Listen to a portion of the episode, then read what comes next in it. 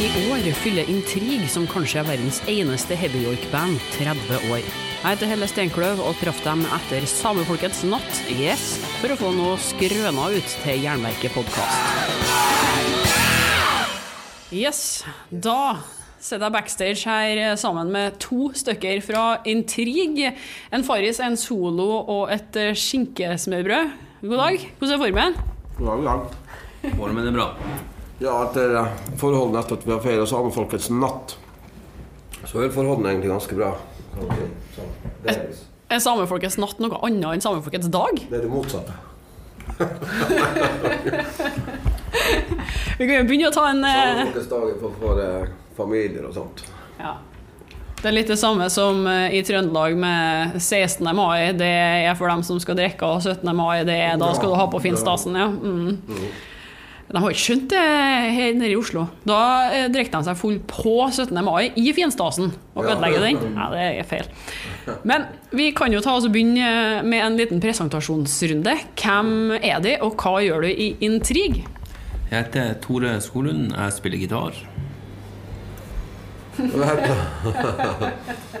Kai Zombio er vokalist. Og eh, så er det tre andre i bandet òg. Hva slags eh, gjeng er det? Nå har jo dere kan jo si hva de vil om dem, siden de ikke er her. Eh, Ja, vi har bassisten som heter Frank Rasmus. Så har vi en gitarist som heter Geir Garikoski, og en trommeslag som heter Øyvind Karlsen. Og vi må begynne helt fra starten av historien, eh, tenker jeg. Jeg forsto det som at Intrigue starta rundt 89, men den sjølve musikalske historien den begynte vel før det, Kai? Ja, eh, på mange måter. Tore, du kan fortelle litt om Black Moon og litt sånn. Jeg hadde et band i begynnelsen av 80-tallet som het Black Moon. Vi ga ut en singelplate som vi var en av de første bandene som spilte inn produserte skive oppe i Finnmark. Og det bandet eksisterte en del på 80-tallet, og så ble det oppløst. Og så hjemforente vi oss på slutten av 80-tallet. Flere av de guttene i det bandet da ble med i Intrigue. Parallelt så drev Kai og han Frank Rasmus som spiller bass nå. Han var bassgitarist før i tida. De drev og skrev låter sammen. da For de er barndomskamerater. Så slo vi oss i hop, da. Og det ble da Intrigue i 1989. Og da var, vi var veldig inspirert av de 80-talls- og 70-talls hardrockbandene som Deep Purple, White Snake, Thin Lizzie De bandene der. Så vi spilte mye på sånne fest, bygdefester og puber, eh, coverlåter av de nevnte bandene, pluss egne egenskrevne låter. De fleste låtene hadde Kai og Frank skrevet allerede et par år før vi starta bandet. Så de, de, de, Hvis man hører det første albumet vi ga ut for 25 år siden, 94, der er det mange låter fra 80-tallet som vi eh, lagde. Men men på den tida så var det vel bare engelske tekster og sånt de drev med òg, sånn helt i starten av eh, Intrigues karriere. Ja.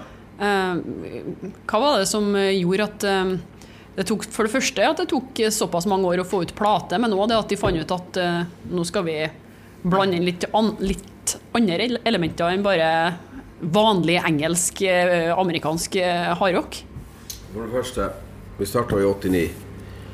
I 1990 så kom jo Nirvana og ødela alt. Så vi var jo 80-talls heavy rockere. ikke sant? Så da ting skjedde, ting var helt plutselig alt annerledes. Men vi bestemte jo selvsagt å spille inn en plate og få den ut i 94. Og så, for å få være litt annerledes, så, så begynte vi med, med joik i uh, det var en kjent, Orbin og Joiken var veldig kjent fra Captain Morgan, et annet band fra Kautokeino. var det en versjon. Så vi prøvde oss litt på den versjonen. Vi syntes ikke det var, var riktig av oss å gjøre det, så vi, vi lagde en versjon som ble litt sånn Maiden-ish. Litt sånn Iron Maiden-style, og den funka jævlig bra. Så spilte vi masse på um, Og det var liksom ikke så populært på en måte som var liksom ikke Men så spilte vi på um, MC-treff rundt om, og der fanga de opp greia. Og, og de førte det utover hele Nord-Norge. Og, eh, og sånn, og så, så eksploderte det. Når først, eh, først de liksom godkjente det, så likte jo andre folk det òg. Så gikk det bare slag i slag. Kan de, altså jeg forsto det som at det var en viss sammenheng her òg, mellom eh, det at dere vant eh, på Sørøyrocken, som en sånn konkurranse der i 93, med at det ble ei førsteplate ut av det òg, den Intrigue-plata. Stemmer det? Var premien, ja, det var, premien var innspilling 50 timer i studio i Tromsø. Og, men så hadde vi en deal med NRK oppe i Karasjok, og vi fikk spille inn plater der. Så, så vi spilte inn mesteparten av ja, Plata ble innspilt rett og slett der, og vi brukte de 50 timene som vi vant i konkurransen, da, til å mikse plata i Tromsø. Men eh, det viste seg at den miksen var jo egentlig fiasko, så vi ble jo vi forkasta mye av de 50 timene der til tull. Egentlig. Ja, ja, alt det som vi vant på der hører dere, det ble jo ingenting ut av. Sånn, egentlig så ble det jo ikke Vi tok en reise til Tromsø, var på kinarestaurant, spiste kinamat en gang, husker jeg. Ja. Miksa litt og styrte, og så det var nå det. Så forkaster vi alltid. Så vi måtte altså. remikse igjen? Uh... Måtte mikse alt på nytt. Så alt ble gjort egentlig i Karasjok. På. Ja. Mm. Så, men vi fikk jo utgivelse. De dekte jo opptrykket og plata da. Og men det er som sagt, som Kai sier, at det var jo Nirvana og den der grunge-sjokken som ødela. Vi kom jo med et album med det, så den fikk jo ikke den oppmerksomheten som man kunne ha venta seg. 94, da var liksom Nirvana også borte. Alternativrocken ja. enda kommet til, ja, ja, som ja. enda kjipere. Jeg tror det er vanskelig å forestille seg hvilken innvirkning dere hadde på, på rocken altså når eh, man ikke, ikke var der. For 80-tallet eh, var jo gullgruve for, eh, for å holde på med sånn musikk. Ja, ja, det var jo helt annet. Men hvordan klarte dere å holde hodet over vannet og tenke at vi skal fortsette med heavyrocken? Dette er vår greie, istedenfor å ta på flanellskjorta og gå grunge-veien? Det var vår greie. Og da fant vi ut at om vi ikke spiller ute i det hele tatt, at vi bare øver på øvingslokalet, har det gøy, så er det fint. Slutten av 80-tallet så ble det jo interessen tok seg opp igjen når vi hadde konserter. Slutten av 90-tallet? Ja, slutten av 90-tallet. Begynte å ta opp seg med masse folk på konsertene og bra stemning. Og så merka vi at de ville ha De kicka på de joikene som vi hadde. Og da fant vi kanskje vi skal ta noen flere joiker. Og da kom det flere av de joikene, antijoikene, et par til. Og da var det liksom folkekrav. At nå må dere spille inn de her låtene, de joikene. Da skjønte vi at hvis vi spiller inn en EP så har vi et publikum som kommer til å kjøpe det. Mm. Og Kai tok kontakt med Ronny Tekrø TNT, og, og, han tente jo på ideen. Ja, kom ned til Toten! Og, og, vi dro ned til Toten, og det var jo en artig story der. Det er jo som skjer der. Ja, Det må du fortelle om. Ronny er en uh, fin type. Ronny er skrue. Ja. Har du noen gode historier?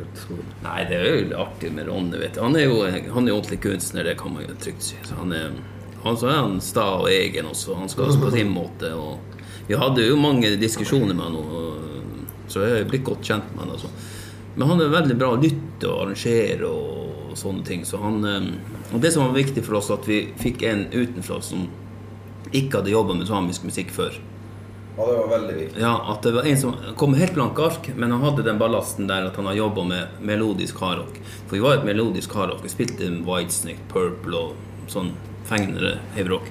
Så vi tenkte vi skulle ha de med elementene der med. Samtidig skal vi ha en som har erfaring med vært lenge i bransjen.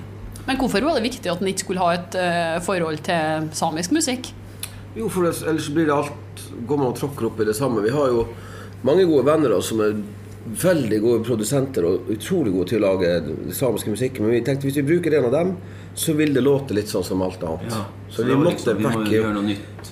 Vi måtte ut og få noen andre folk som ikke har Så vi spilte den inn til albumet. Albumet kom ut i 2002, og uh, på, under en måned så solgte den til gullplate. men det var jo mesteparten var i Nord-Norge den kjøpte. Det som var litt uh, kjedelig for oss, at uh, den tiden var det jo Man kunne rapportere til VG-lista enkelte butikker i Norge og enkelte stasjoner sørpå. Altså platekompani og sånne diverse musikkjeder som selger musikk. Det var dem som rapporterte til uh, VG-lista. Sånn at mesteparten av vår musikk ble solgt nordpå. Så ingen av de stasjonene rapporterte til VG-lista. Så vi hadde jo egentlig vært på topp på VG-lista hvis det ja. Det er litt bittert. Det er litt bittert. Så du kan jo søke på IFPI, så det er liksom der du søker på salgstrofé. Eh, hvis du søker på året 2003, for den, uh, vi fikk gullplata registrert i 2003 men den solgte de to årene der. Men hvis du søker på hardrock-utgivelse det, det, året der, så er det en samleskive med Åssi Osborn, en samleskive med Stage Dolls, Og så er det Intrigue sin Heavy Oik-EP, og så et par til. Så det er fem-seks innen hardrocken som solgte til gull eller platina det året. Men det skrev ikke Akersavisa noen, noen ting Nei, men det gjør de jo aldri, Nei, nei. stort Nei, nei. sett. Nei, det gjør Det gjør de ikke i dag heller, det, egentlig. Nei da. Men jeg husker den historien med den gullplata. Det var litt artig, for det, vi visste at det solgte jo sånn faen en plate. Vi hadde solgt 5000-7000 på, bare på no time. Og så tenkte jo ikke vi noe mer på det. Altså I januar tror jeg, etter at jeg så noe på TV. Og det var jo ikke Spellemannspris, det var et eller annet en slags pris. Så var det en helt også en ung jente som fikk noen pris som vi aldri har hørt om. Solgt 5000 plater, fikk gull. Ringte jeg til Tore. Faen, men jo, det var en som fikk gullplate for å ha solgt 5000. Vi har solgt mye, vi har nesten solgt dobbelt. Det må jo sjekke opp. 9000. så Tore solgt sjekk opp, da hadde vi faen meg solgt for et halvt år siden. hadde vi solgt til gull. Visste jo ikke vi. Ja, ja, ja. Men eh, om Ronny, da. Jeg kan fortelle en veldig artig historie om Ronny. Ikke rockehistorie, det her. Den tar vi ved en annen anledning. Men eh, da vi drev og miksa plater, og vi var ferdige å mikse, skulle vi lytte igjennom.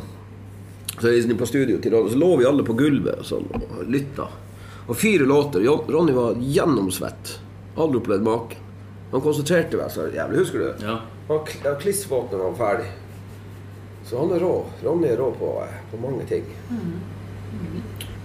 De smidde jo litt mens jernet var varmt i den perioden. her, for det- det- altså Etter Heavy Joik så kom jo crossover året etter. Eh, følte du at det skjedde noe mer da, eller var det liksom fortsatt samme tralten at eh, Norge vil ikke se at eh, rock'n'roll som gjelder?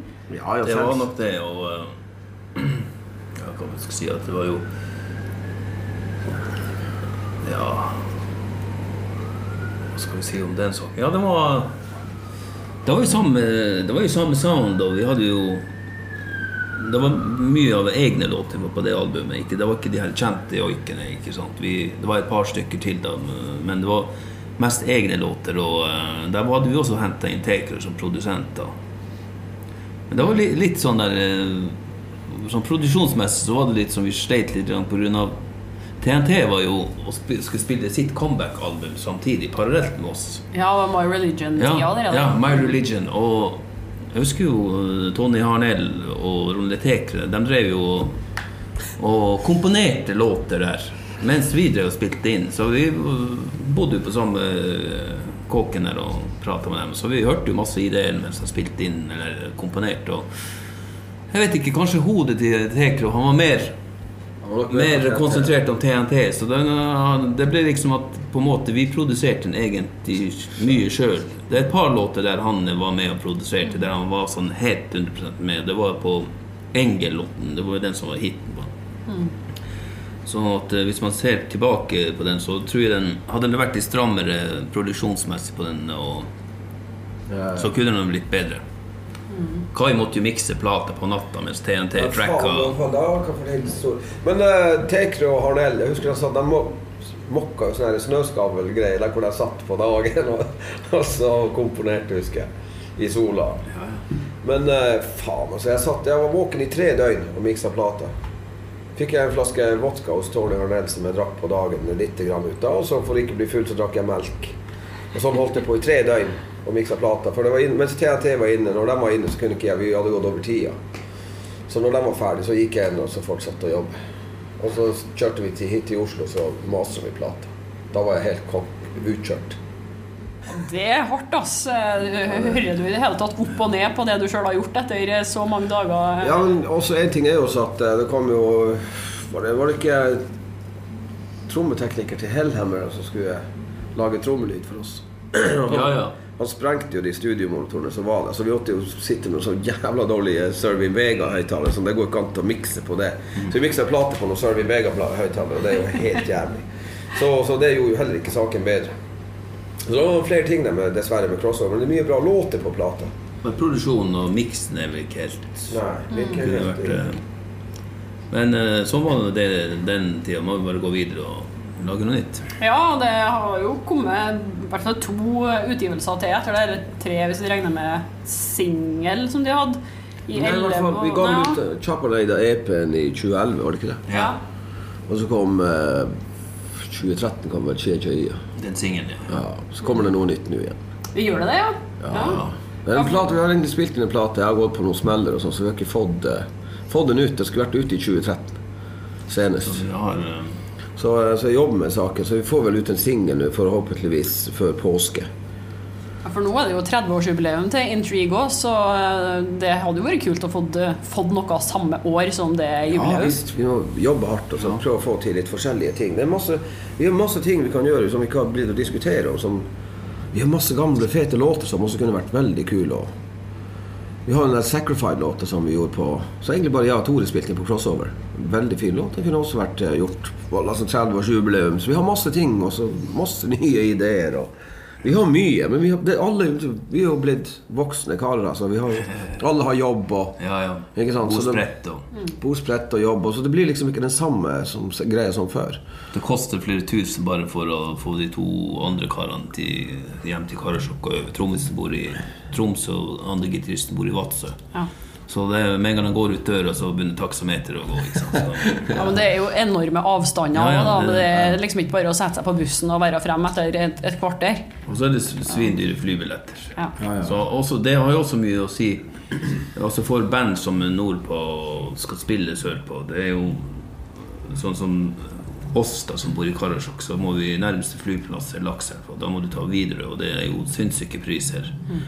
Så det er også mye grunnen til at vi ikke spiller så mye sørpå heller. Det er en kostnad-greier. Det er dyrt. Det men tror du det kan være noe av årsaken til at det er mindre altså at det ikke kommer så mye band eh, som er aktive fra ja, la oss da si fra Trøndelag og nordover? At rett og slett det med reise og sånn blir så vanskelig for folk? Det er også, det, Flyselskapet gjør det heller ikke enklere med når du skal utstyre og sånt her. ikke sant? Det koster mye. Det, det, det er. Ja, det er dyrt. Vi er veldig heldige med at vi trekker ganske mye folk. Altså Vanlige rockeband trekker kanskje ikke så mye folk som vi gjør. Og da blir det veldig dyrt for dem også legge opp til å dra på turné og spille sørpå. Så det er klart at det, det blir dyrt. Altså. Det blir liksom drømmen mange ganger. Men har de lagt opp noen spilleplan eh, nå eh, fremover for 30-årsåret eh, 2019? Da? Er det noe annet som er planlagt enn den Vi har, men det er ikke noe som vi kan gå ut med nå, for arrangørene har ikke gått ut med det ennå. Så jeg kan ikke si Men det, det, er flere jobber på gang. Altså. Over hele landet òg? Nei, det er det nok ikke ennå. Det er mest nordpå. Det, ja, ja, det er nordpå. Vi får se hva som skjer mot høsten. Altså, høsten, senhøsten. Hva vi finner på da. Da tror jeg det åpner seg mulighet for at vi har mulighet til å gjøre noe. Men hvor langt hvor vi reiser da? Det hadde vært artig å spille selvfølgelig andreplasser sørpå, sånn som Trondheim, Bergen, Stavanger You name it. Altså sånne større plasser. Selvfølgelig andre plasser også rundt Østlandet. Så det Jeg ser altså vi spilte på Oktoberrock eh, 2017. Fikk veldig mye bra tilbakemeldinger. Fått mye fra meldinger fra trøndere som syntes det var fett. Mm.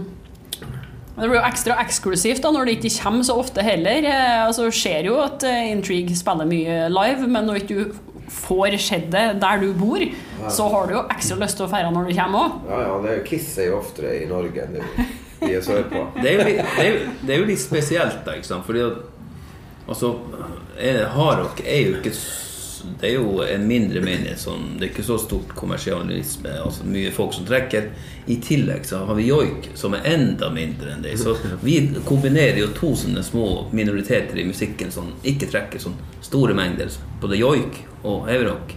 Så vi mm, det som er ganske fascinerende, som vi har lagt merke til, det har vi lagt merke til for lenge siden, akkurat som med Kiss, så har vi et publikum som er veldig spredt. Folk som sikkert vanligvis ikke hører hardrock på, på hardrock i det hele tatt. De er på konserter og sånt. Det er ganske, ganske fint, syns vi. Og så har de et stort spekter på alder. På, uh, ser det kommer en ny generasjon nå. De mm. gangene vi spiller under 18-20-åringer som en ny gjeng. Pluss dem som er Barna til dem som hørte på oss første gang. Ja, ja. Så det er veldig artig. Så det er det har vært et lite høl nå, syns jeg, med unge folk og tilstrømninga der. Så det er godt å høre hvis det kommer noen nye 18-19-åringer inn. Også. Ja, vi ser, masse, vi ser masse ikke sant? En stund da vi spilte, så så jo de samme fjesene før. Ikke sant? De, visste de her folka kommer på konsert. Men nå når vi ser det, jo sinnssykt Vi har aldri sett dem før. Ja. Det er sånn som i Tromsø. Det var veldig masse Bestandig sånn nye folk. Ja, det er utrolig. Vi, vi, set, vi blir jo så glad. Vi setter jo veldig stor pris på det, selvsagt. Det er jo helt utrolig for oss.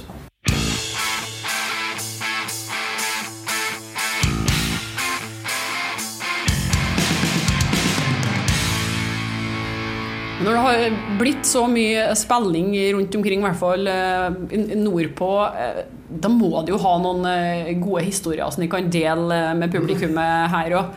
Jeg, jeg, leste jo om det der plattingen som røyk i Jokkmokk, folk hoppa opp og ned i samme takta. Ja, det var en sånn sommerfestival der. Sånn, sånn, og de har sånne dansepaviljonger i Sverige, i Sverige sånn parkgreier. Mm. Og da hadde de booka oss dit, da vi skulle spille der. Og, og det ble jo selvfølgelig bra stemning, som det blir på Intrigue-konserter nordpå. De begynte å gynge oppå den der danseplata. Plutselig så vong, ramla Men heldigvis den var ikke høyt. Det var bare en halv, halv meter høyt. Ja, sånn, så det, det, det gikk jo greit. 20-30 stykker som for ned i en grop. Men har det, har det, noen historier som ikke er delt med offentligheten før? Altså, Jeg fant ikke så mye intrigue-intervjuer på nettet, så det her er jo den store sjansen deres til å Hvordan var det? Det har jo vært noen overskrifter da vi spilte i Bodø for noen år siden. Ja, det, altså, det var den finner på nett, tror jeg.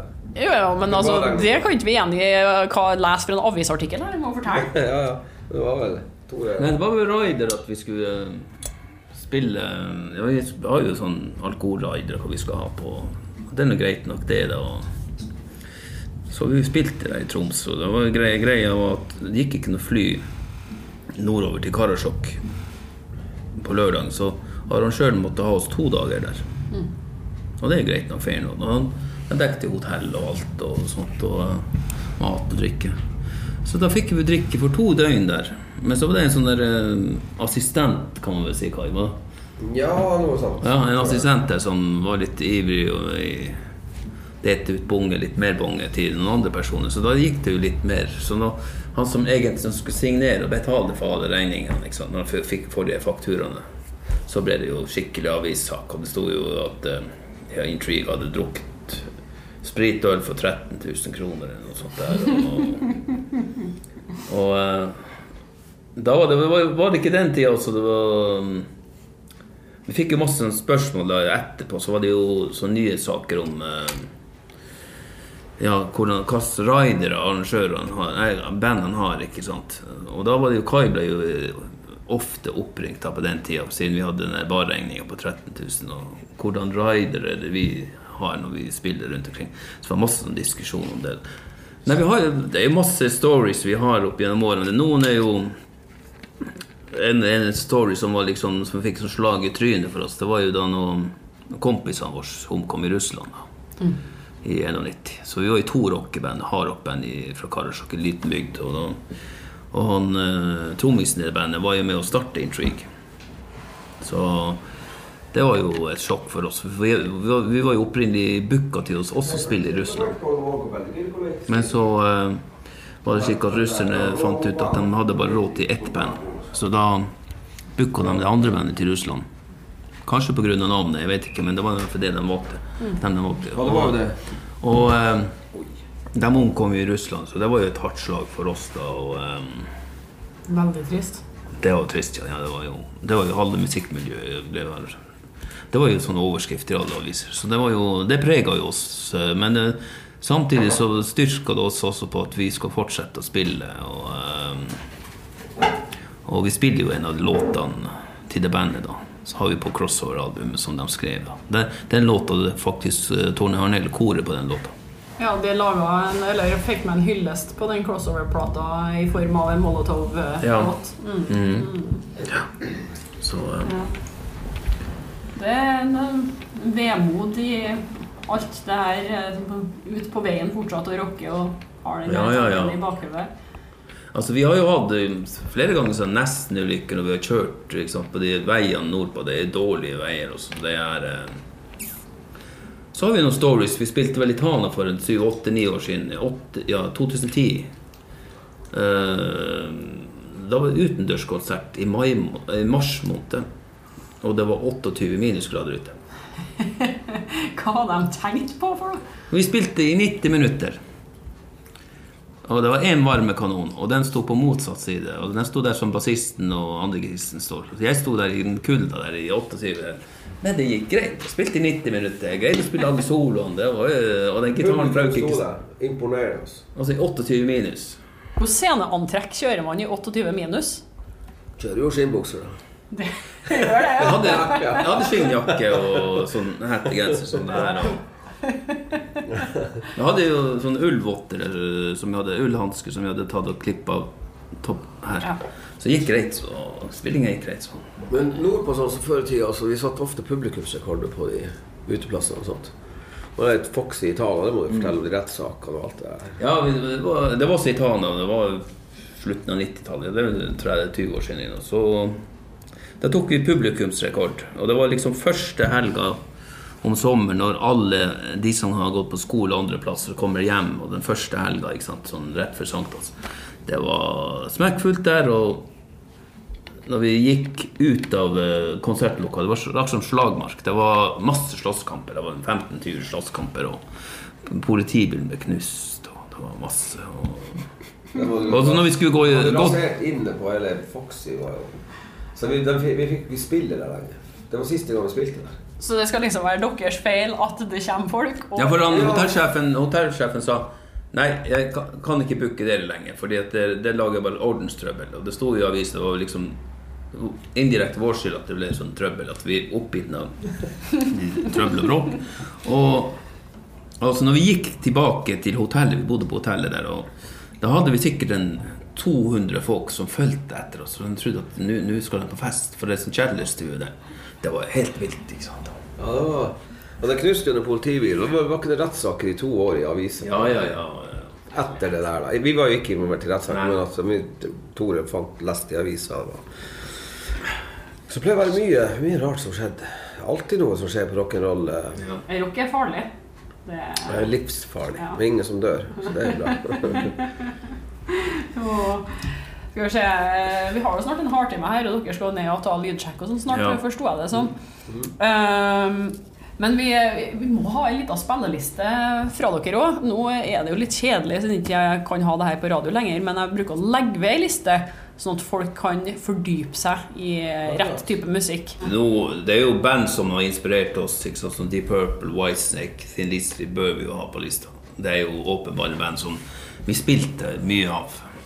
Så det er jo, de har jo inspirert både meg og Jeg kjører Kai. faen Burn. ikke sant? Det er masse folk som ikke har hørt Burn. Masse unge folk som ikke har hørt Burn Burn. Det blir absolutt. Det er jo en rockeklassiker de luxe. Ja. Så kan de høre hva som gamle gutter har holdt på med før i tida. Intrigue, hva vi skal spille der, da? Orbina? Jeg tror vi tar Orbina er jo, det er jo den største låtårs. den- Det er jo Den treffer med bredt i Først Hvis det er mennesker som skal høre på det, så er det Kjør den. Første samiske låta vi spilte, var jo Orbina. Var første, ja? ja? Ja, det var første. Det var i 1990. Det var første låta vi spilte eh, av samiske låter. Hvordan tok folk imot det, da? Det tok det veldig bra. Jeg husker vi spilte den på motorsykkeltreff da folk var helt gale, og så begynte vi å ta og spille den på puber. Ja, da kan vi fortelle det vi spilte i Alta på MC-treff. Vi spilte da av, vi spilte Orbina noen år, og folk digga sånn faen. Og da, vi tok én versjon, og den varte i 45 minutter. Så vi kommer dit hvor publikumspartiet Ja, allsangs. Allsangpartiet. Det var en keyboardist som først var ute og pissa, og så kom han tilbake, spilte han litt til, så var han ute og dreit, og så kom han tilbake. Vi enda spilte enda på det. Folk ville joike med. det. De joika i tre kvarter. En hel økt. En hel økt. Og så når vi endelig var ferdig, så ropte han en gang til. En gang til. Kan vi- Du kan si den, den, den, den konserten var på en måte litt som breaking point for oss. Det var i, på Midnattsrocken i 2001. Da spilte vi den går jo, De to siste låtene er en låt som heter Jesjevlunta. Det er også den nest eldste låta vi har. Og så den eldste låta Orbina. Det er de to siste låtene vi spiller på alle konsertene. Så de går nesten, nesten i som medley. De går inn i hverandre. Og så var det en produsent som hadde misforstått spilletiden vår. Så vi skulle spille 50 minutter. Og det hadde vi øvd et sett til å spille 50 minutter på den festivalen. Han var fra Oslo her, en sånn guru her på festival. Han er Øyafestivalen, han er sånn en av de i topp som hadde blitt tyra opp til den festivalen.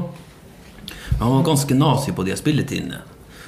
Og han hadde misforstått det der med de fem minuttene. Og vi begynte å spille på slutten.